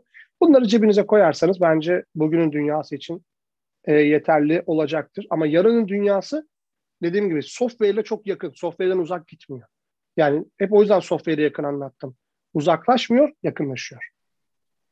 Anladım. Aslında evet, hem bu hem de aslında eğitim aldığımız eğitim e, her kritere uyuyor gibi aslında. Bizim tek yapmamız gereken Python'da da kendimizi geliştirmek. Zaten Doğru. Java dersini aldığımız için e, aslında kodlama dilini nasıl öğreneceğimizi aslında bildiğimiz için de Python'da öğrenip kendimizi geliştirebiliriz. Ee, Doğru ama OOP yapacaksanız tabii diğer dersleri de almakta fayda var. Evet. Elektronikten geliyor arkadaşlarımız. Onlarla denk geliyorum ben şeyde benim 534'te Design Patterns'da. Güzel olur onları öğrenirseniz faydanız, faydanıza yani. Tamam ben bir sorusuna geçeyim. okuyayım ben de. E, Fatih okusun. Burada, ben, bu arada sözü bir yandan Ayşegül'e vereyim çünkü Ayşegül de bu iki soru konuda vereceği bir yorum varsa. Hı, tamam. Tabii. Yok sen çok güzel özetledin zaten Emre. Ben ekstradan zaman kaybetmeyeyim diye şey yapmak istemedim ama ben sadece şeyin altını çizebilirim. Mesela hani e, sadece e, otonom konusunda ya da atıyorum bir ARGE departmanında çalışmak gibi düşünmeyin. Herhangi bir sektörde, herhangi bir işe başlayacağınız zaman hani atıyorum mülakatlara gittiğinizde falan şey aklınızın bir köşesinde olsun. Yani siz çalışmak istediğiniz alanla ilgili daha önceden ufak tefek de olsa kendiniz bir şeyler yapmış olursanız o size çok büyük bir artı. Yani atıyorum bir GitHub hesabınızın olması ve orada yaptığınız kendi projeleri koymuş olmanız ya da e, küçük ufak tefek e, mülakatlarda gösterebileceğiniz demo uygulamalarınızın olması. Yani hiç şey gibi düşünmeyin etkileyici olmaz, ufak tefek de olsa bir faydası olmaz demeyin. Bunlar gerçekten sizi e, diğer hani bunları hiç yapmamış olan insanlara göre çok farklı bir yere koyacaktır. Yani e, sizin gerçekten ona bir yatırım yaptığınızı görmek, kendi kendinize bir şeyler yaptığınızı görmek iş hayatında çalışan insanlar için çok önemli. E, yani sadece bir onu eklemek isterim. Bu arada arkadaşlar biz aktif çok fazla da mülakata giriyoruz Ayşegül'le ben de. Hani Ayşegül'ün bahsettiği bu kriterler bizim için önemli. Çünkü bu birazcık da kişinin bir şeyler yapmış olduğuna yani kişinin bir şeyler yapmasındaki motivasyonu ve arzuyu gösteriyor. Eğer bu recruitment'ını yaptığımız şey ADAS Software Engineering pozisyonu ise birazcık işte bu robotla hands-on işler yapmış olması atıyorum. ROS'la bir şey yaptım, demonstre ettim. Eğer bu iş biraz daha high level software development'sa işte C Sharp'ta şöyle bir application yapmıştım demesi bizim çok açıkçası hoşumuza gidiyor iş alımlarda. Yine farkındalık yaratmak adına şöyle bir örnek de verebilirim. Mesela e, data science projeleri söz konusu olduğunda mesela machine learning ile bir şey yapacağız, bir şey öğreneceğiz. Çok fazla bir data var. O datanın temizlenmesi lazım değil mi? Mesela seçici davranan bazı arkadaşlar oluyor. Diyelim hani data temizse, temizlenmiş dataysa ben train ederim. Yani böyle bir dünya yok. Yani birazcık da bu tarz şeylere de kendinizi hazırlayın. Yani işin her zaman direkt en güzel, en kaliteli, en e, ilgi çekici tarafında çalışmayabilirsiniz. Hatta başlangıçta tabii ki de önce daha zahmetli taraflarında, daha böyle az eğlenceli olan taraflarında çalışmak lazım. Ee, birazcık da sizler hani sektöre yeni atılacak arkadaşlar olarak e, farkındalığınızı bu yönde arttırmaya çalışın. Bu da çok önemli bir kriter. Çünkü çok fazla yazılımcı var, çok fazla mühendis var. Sizi farklı yapacak e, bir özellik de bu olabilir diye düşünüyorum. Çok çok güzel noktaya değindin Ayşegül. Ben de buna bir ekleme yapayım arkadaşlar. Şu oluyor e, biliyoruz hepiniz çok heyecanlısınız. E, yeni mezun olduktan sonra, yani mezun olduktan sonra çok büyük bir heyecanınız var ve bir şeylerin en kritik yerine ve en güzel yerine katkıda bulunmak istiyorsunuz. Emin olun bizler de aynısını yapmak istiyoruz. Orada hiçbir şüphe yok. Ama şu oluyor, e, bir işin tabii ki o güzel görünen tarafı dışında bir de işin e, e, nasıl denir hani daha az sevilen, daha sıradan gelen ne bileyim işte data temizlemek mesela. E, çok hoşunuza gitmeyebiliyor. İstiyorsunuz ki tertemiz bir data gelsin. Ben de scikit-learn'den çağırayım. nn.fit, nn.predict muhteşem şekilde modellesin. İşte tam bu noktaya gelmek e, birazcık daha zaman alıyor. Yani mesela biz data scientist rolü dediğiniz zaman aklınıza hep böyle bir AI algoritmasını icat eden arkadaş geliyor. Halbuki onun genelde %80 vakti ne olduğunu anlamak ve onu da dertop yapıp temiz bir hale, bir algoritmaya sokabilecek hale getirmekle geçiyor. Kalan %20'si aslında o süper cool gözüken işi yapmakla geçiyor. O yüzden meslekleri de biraz doğru tanımak lazım. İşte ADAS Engineer ne yapıyor? Biraz da ona bakmak lazım. Siz o yüzden ADAS Engineer'larla buluşturacağız. Ee, biz daha software engineer olduğumuz için software tarafını anlattık ama ADAS Engineer'lar da size kendi dünyalarını, onların da software bilmekle ilgili beklentilerini veya öğrenmek durumunda kalmalarını daha güzel bizzat yaşayanlardan dinleyin diye anlatayım. Hani İngilizce'de bir tabir var ya straight from the horse's mouth diye. Onu şey yapmak isterim açıkçası. O yüzden bir sonraki session'a bırakayım. Buyurun. Ee, Uğurcan'ın bir sorusu olmuş chatten. Buyurun hocam. Bildiğimiz sektörler dışında otonom araçların veya cihazların aktif olarak kullanılabileceğini düşündüğünüz farklı sektörler nereler acaba diye. Yani potansiyel nerede? Bu alandaki potansiyel nerede olduğunu düşünüyoruz farklı Sorunu olarak. ben başını kaçırdım. Bir daha alabilir miyim? Tabii. Ya şimdi e, oto, bildiğimiz sektörler dışında e, otonom araçların ve cihazların aktif olarak kullanabileceği başka sektörler neler olabilir? Bildiğimiz sektörler hangileri? Ya da ben en azından kendi bildiklerimin hepsini sayayım size. Siz aralarından seçin. E, tabii ki otomotiv bunlardan bir tanesi. Endüstri 4.0'la beraber fabrikaların tamamı. ikinci konu. Benim en çok kullanılan yerler otomotiv dünyası fabrikalar. Şimdi otomotiv deyince aklınıza sadece araba gelmesin ama. Az önce de söyledim ya mesela power plant. O da bir makineler dizilim. Yani onu da düşünmeniz. Veya gemi, marine veya kruz gemisi. O da hakeza.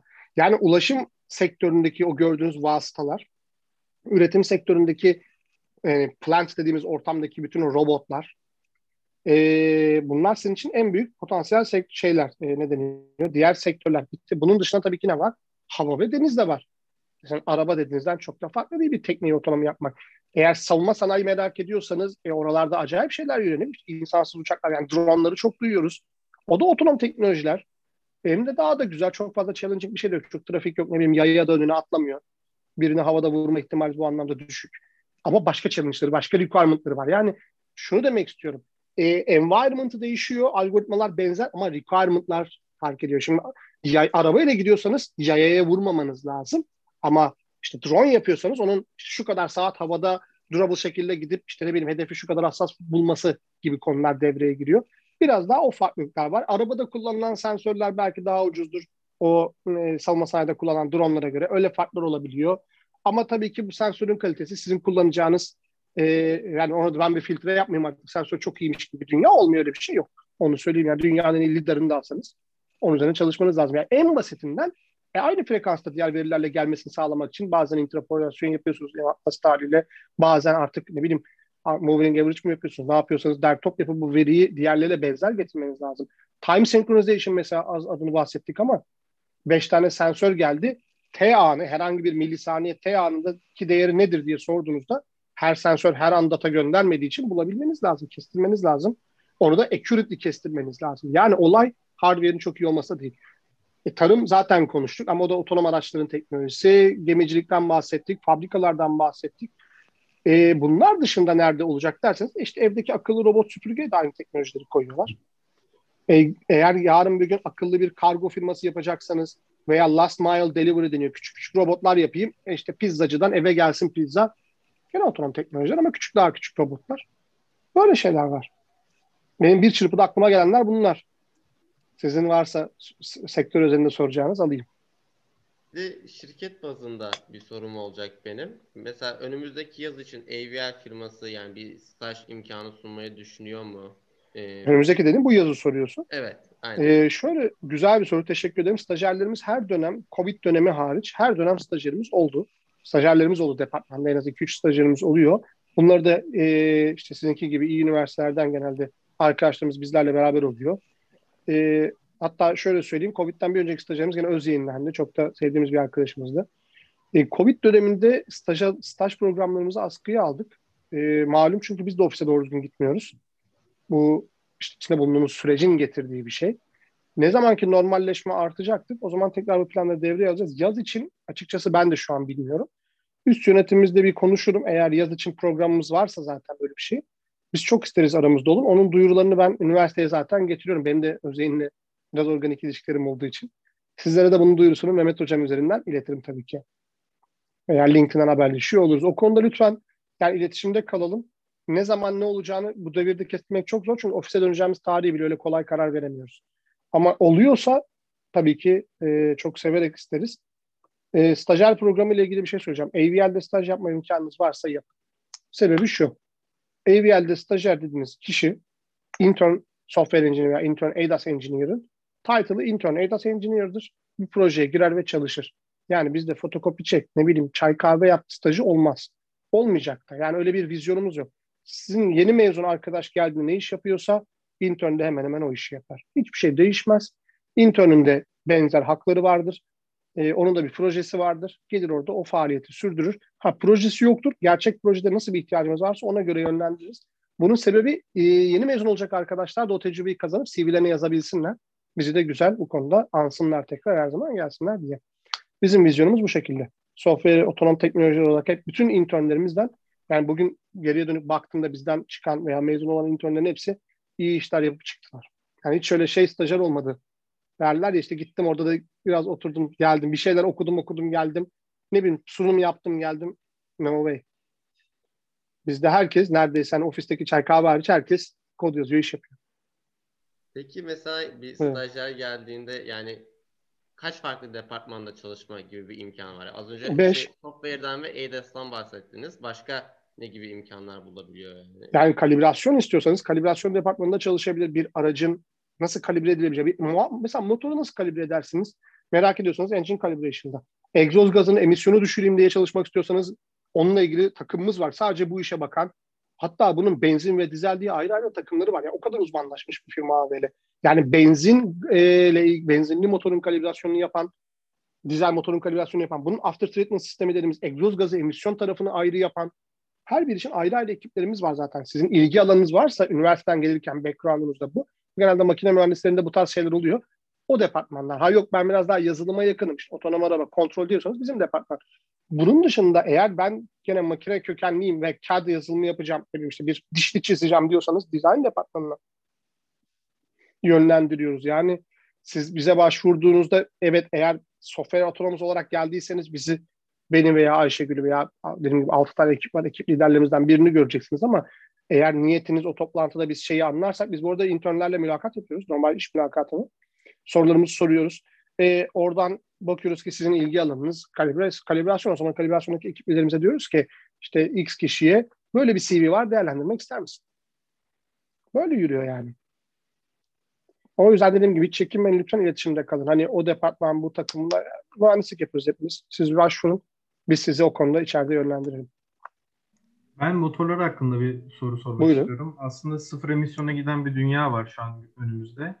Ama sıfır emisyona giderken e, herkes elektrikli araba e, alma hevesine değil. Şu an aslında kademeli olarak hibritten e, bir talep var. Hani Toyota olsun, Ford olsun ya da BMW olsun e, hibrit sistemleri de geliştiriyorlar.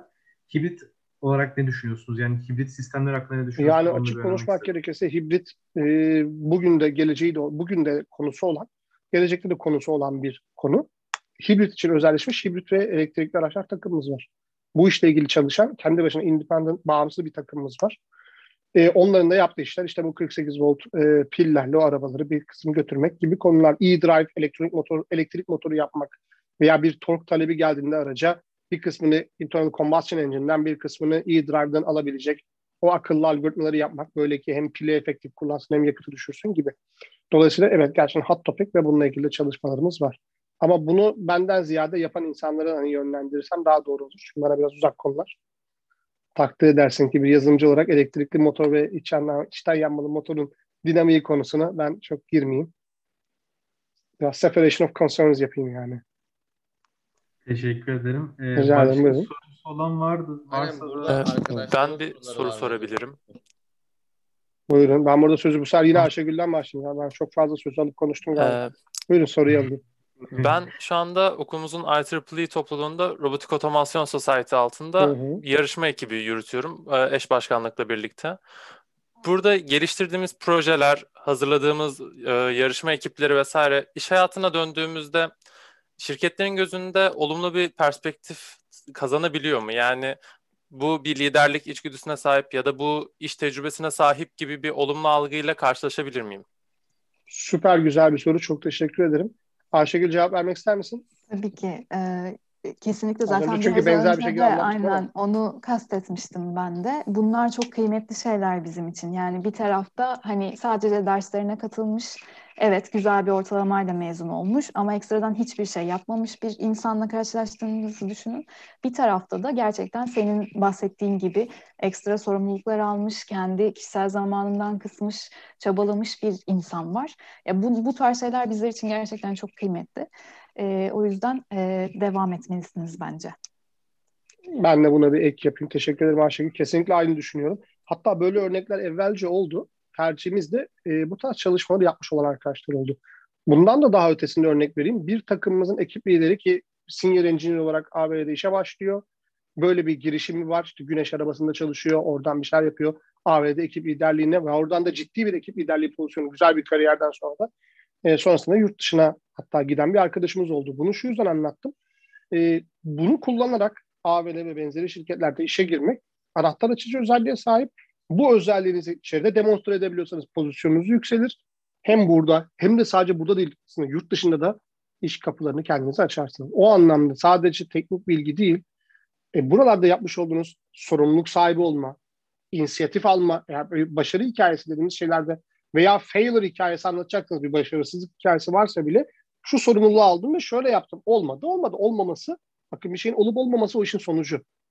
Yaparken ki yapmış olduğunuz davranışlar inisiyatif almak, sorumluluğu sahibi olmak, mesul görmek kendini, organize olup olmamak gibi bunlar sizin yetkinlikleriniz. Bu yetkinlikler geliştirmeye hepimiz için açık ve gelişebilen yetkinlikler. Bunları demonstre ediyorsunuz aslında. Sizin o araç üzerinde yapmış olduğunuz algoritmadan çok o anlattığınız hikayeler bizi daha çok ilgilendiriyor. Yani burada tabii presumption şey derslerinizde zaten bir, bu konuları iyice yapıyor olmalısınız. Değilse ne olur? O sorunun zor tarafı şu. Derslerim iyi değil yine de çok kulüplerle aşırı neşir olmalı mıyım?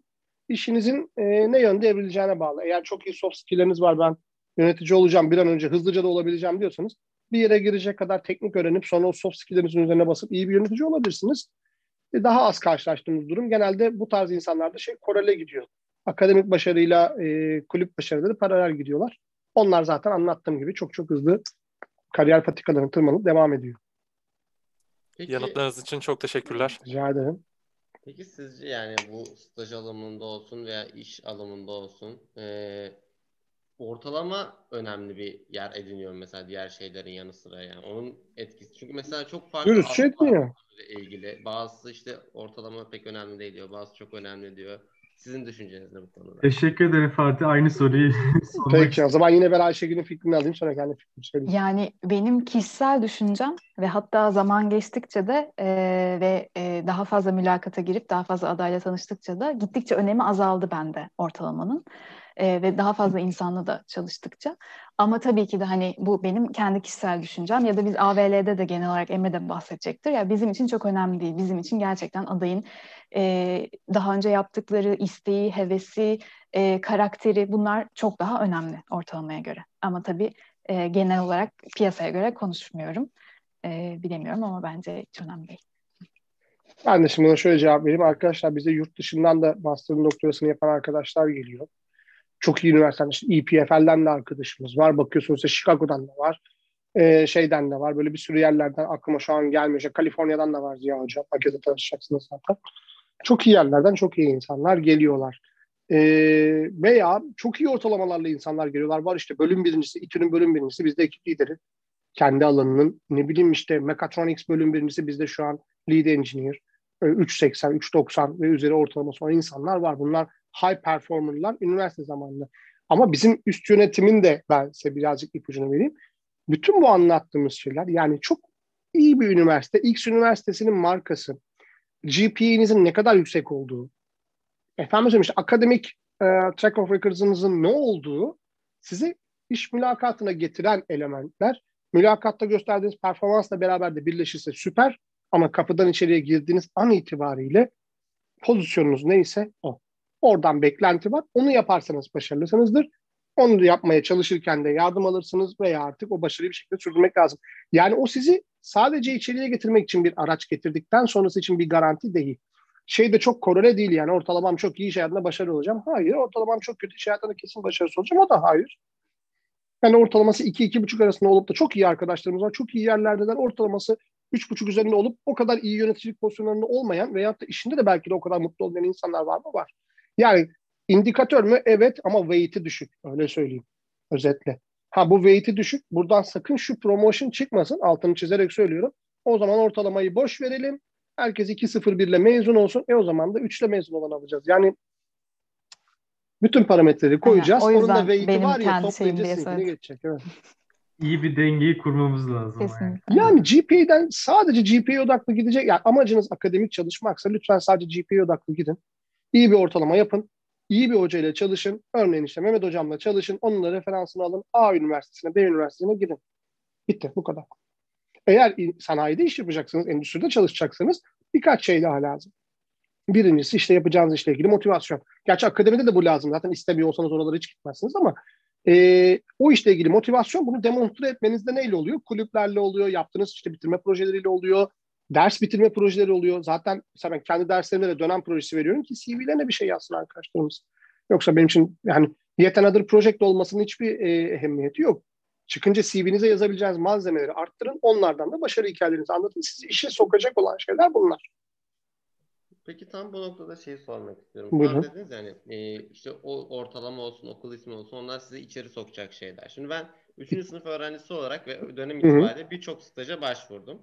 E, bırakın kabul şeyini red maili bile gelmiyor. Yani büyük ihtimal bunun nedeni koronavirüs diye düşünüyorum ben. Yani o çok etkiliyor. Ama bunu yana koyarak şunu sormak istiyorum. Beni içeri yani ben şimdi bir CV ile başvuruyorum çoğu başvuruda. Hadi bazılarında Hı hı. ön yazı gibi şeyler de yazıyoruz ama yani sadece CV'de başvurduğumuz bir şeyi düşünürsek benim CV'de e, yani sonuçta her başvuranın mülakata çağrılmadığını düşünüyorum. E, CV'de beni içeriye aldıracak şeyler neler o zaman? Yani o CV'de ne CV'nizi doğru organize etmeniz birincisi. Yani onun bir tane düzgün bir formatı vardır. Yani bir, bir tane format seçin, onu da sabit tutun. Education'ınızı yazın, ortalamanızı yazın. Altına da bitirmiş olduğunuz veya yapmakta olduğunuz projeleri yazın. Yanına teknolojileri yazın. Bundan ötesini bir e, e, varsa kulüp üyelikleriniz, varsa sosyal hobileriniz. Bu hobilerden kastım tabii genelde hep şey oluyor. Çok kitap okumayı severim. Ne bileyim işte film izlemeyi seviyorum. Ya onlar da onları çok okumuyoruz açıkçası ama çok enteresan hobisi olan insanlar oluyor. Onlara bir şey katıyor olabilir. Oradan mesela bazen şey sorusu olabiliyor bize. Aa bak bu adam bunu yapıyorsa yani bileyim işte Maker Lab'da adam adamın hobisi anladım. Adam yazılımcı ama gitmiş yanda Maker Lab'da Arduino'larla ne bileyim işte IoT network kurmuş. Bir şey sensör verilerini almış göndermiş. Ama süper bak mesela al bunu değerlendir oluyor. O anlamda alt taraf önemli. Bunun dışında çok yapacak bir şeyiniz yok. Evet şirketler dönmüyorlar. Türkiye'de böyle maalesef enteresan bir kültür var. Bunu ben de anlamış değilim. Firmaya başvurursunuz. Bu hepimizin başına geliyor. Benim de geldi. Ayşegül'ün de gelmiştir. Sizin de geldi. Emin olun herkesin gelmiştir. Yazarsanız bu üniversite çapında da var. Yani öyle söyleyeyim her yerde var. Cevap gelmez. Yani almıyorsam dön, dö- alacak olsam dönerdim gibi bir yaklaşım var.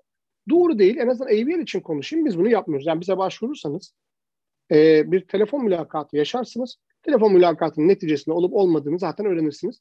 E, face to face mülakata geldiyseniz ya da bu dönemde onu online yapıyoruz. Onda da eğer alıyorsanız iş teklifi değilse de e, teşekkür mailinizi alırsınız. Doğrusunun ben bu olduğunu düşünüyorum. Bu da buraya kadar anlattığım siz bir mülakatın parçası olursunuz. E, olmazsanız ne olur? Nasıl elleniyor?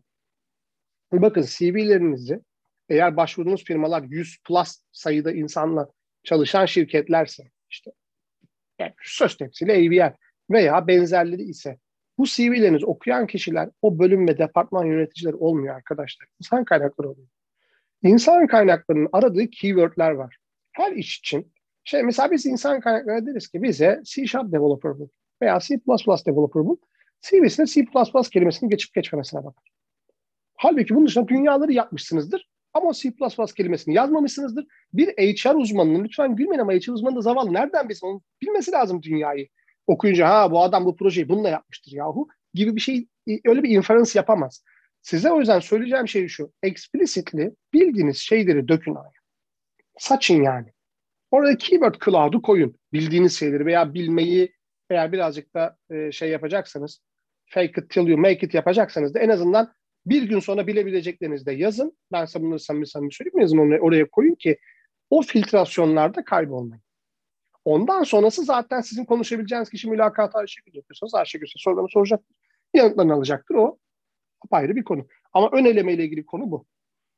O yüzden HR'ı düşünün. Yani siz CV'yi hazırlarken sizin alanınızın dışında bir kişinin kendi içerideki iş ihtiyacı doğrultusunda bir şey aradığını göz önünde bulundurarak CV hazırlayın. Cümlem bu.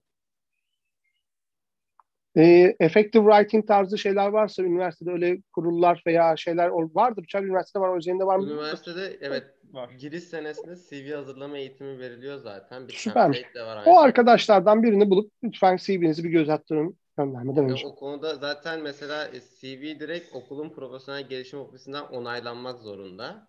Ee, Süper. Aynen o yani CV hazırlama konusunda dediğim gibi sıkıntı yaş yani ben ve benim içine yazdığınız materyali düşünün tekrar. Yani diyorum ya robot yaptım, ROS yazdım. ROS'un nereden bilsin ama C++ yazdım bilir. Farklı. Anladım tamam. Teşekkür ederim sağ olun. Rica ederim. O yüzden explicit olun. En basic hani yani şöyle söyleyeyim.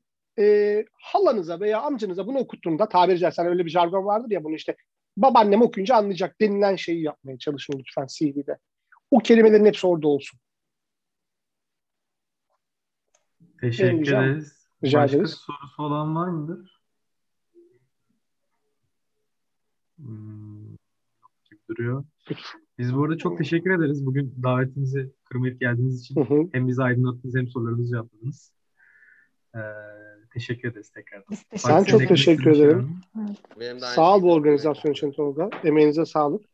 Ee, dediğim gibi arkadaşlar bu session biz biraz daha yazılım dünyasını anlattık. Bir sonraki session robot ve e, otonom teknolojilerdeki arkadaşlarımızın bizzati yaşadığı challenge'lar üzerine olacak. Biraz ipucu verdiğimi düşünüyorum C++'la, ROS'la ama bir tık daha işte sensör fusion, hangi algoritmalar, AI'de ne bileyim, hangi konuları bilmeliyim gibi soruları yöneltebileceğiniz kişileri de işte Ziya Hocam başta olmak üzere Kadir'le beraber gelecekler. E, o tarz sorularınızı lütfen onları yakalamışken sorun. Çünkü bizzati o skill'leri onlar yönetiyorlar bizim şeyde, AVR'de. E, ama ipuçlarını vermiş oldum yani. Sensor Fusion, kritik, C++, kritik. Mühendis olmanın temel şartlarına bence artık diplomanın altına getirmesi gereken şey aktif İngilizce konuşulabiliyor olması plus Python yazılabiliyor olması. Zaten benim gözümde şu an ikisi eşlenik. Yani bir insan İngilizce biliyorsa Python yazabiliyor olmalı ya da vice versa. Bunu, bu, bu bakış açısını unutmayın. Çünkü siz bundan 5 sene sonra piyasaya çıkacaksınız ya. O 5 sene sonra Python bilmeyen kimse kalmamış olacağı için birileriyle Pythonca konuşuyor olabilirsiniz. Yani teknik anlamda konuşmadan bahsediyorum. Yani adam size bir script verir. Şuraya şöyle bir şey ekler. Ya ben bunu bilmiyorum. O gün çok işe yaramayabilir. Hazır bugün fırsat varken öğrenin. Mehmet Hocam sizin eklemek istediğiniz bir şey var mı? Benim eklemek istediğim çok şey var aslında ama zaten Buyurun Mehmet Hocam. Yani çok güzel bahsetti Emre Hocam ve Ayşegül Hocam. Bence CV, rezüme vesaire bunların nasıl yazılacağından çok kendi yani içinizi doldurmak önemli. Yani gerisi boş. Siz bir şirkete gireceğiniz andan itibaren Emine Hocam güzel anlattı. Ne yaptığıma bakmıyorlar. Ne yapacağınıza bakıyorlar. Çok. Dolayısıyla bu zaten bu sohbetlerin amacı da sadece sohbet olarak kalmasın. Hani e-maillerden de fark ettiğiniz üzere bir learning curve yapıp mesela AVL'de staja başvurmadan önce Python'u bilmiş olmanız gerekiyor. Yani bilmiyorsanız muhtemelen Emre ile Ayşegül bakarken hani sen Python öğren gel diyecektir size. Dolayısıyla bu learning curve'ü beraber yapıp işte AVL'de nasıl iyi stajyer olursunuz veya başka bir şirkette nasıl daha iyi stajyer olursunuz. O zamanı nasıl en efficient şekilde geçirirsinize de bakıyoruz. Aa, deyip ben de teşekkür edeyim. Çok güzel bir sohbetti, güzel bir sunumdu. Ben çok teşekkür ederim Mehmet Hocam. İnisiyatif aldınız, bizi buluşturdunuz. Çok mutlu olduk. Hı hı. Ee, önümüzdeki session'da planladığımızda duyururuz zaten. Kim bize yardımcı olacak bilmiyorum. Ee, e, Tolga mı gene olacak? Yine ben ve Fatih devam edelim. Tamam, bana, lütfen bize yazın. İlgili arkadaşlarımız mailde var. O session'da Mart ayında tamam. organize edelim çok arayı açmadan. Ee, bu soruları da lütfen bazılarını orada tekrar seslendirin. O arkadaşlarımızdan da alın. Ben biraz sufle verdim. Gelecekte buralarda arkadaşlar onu da söyleyeyim yani. Net. O, bir, o net. Hatta o kadar net ki yani AVL'in başında şu an Chief Software Officer var. C-Level. Yazılım için C-Level pozisyon atama yapıldı. Bu ne kadar kritik bir şey. 10 bin kişilik bir şirkette oradan yazılımın ehemmiyetini bir kere daha çıkarın diye söyleyeyim. Evet, ben de kaydı durdurayım bu arada.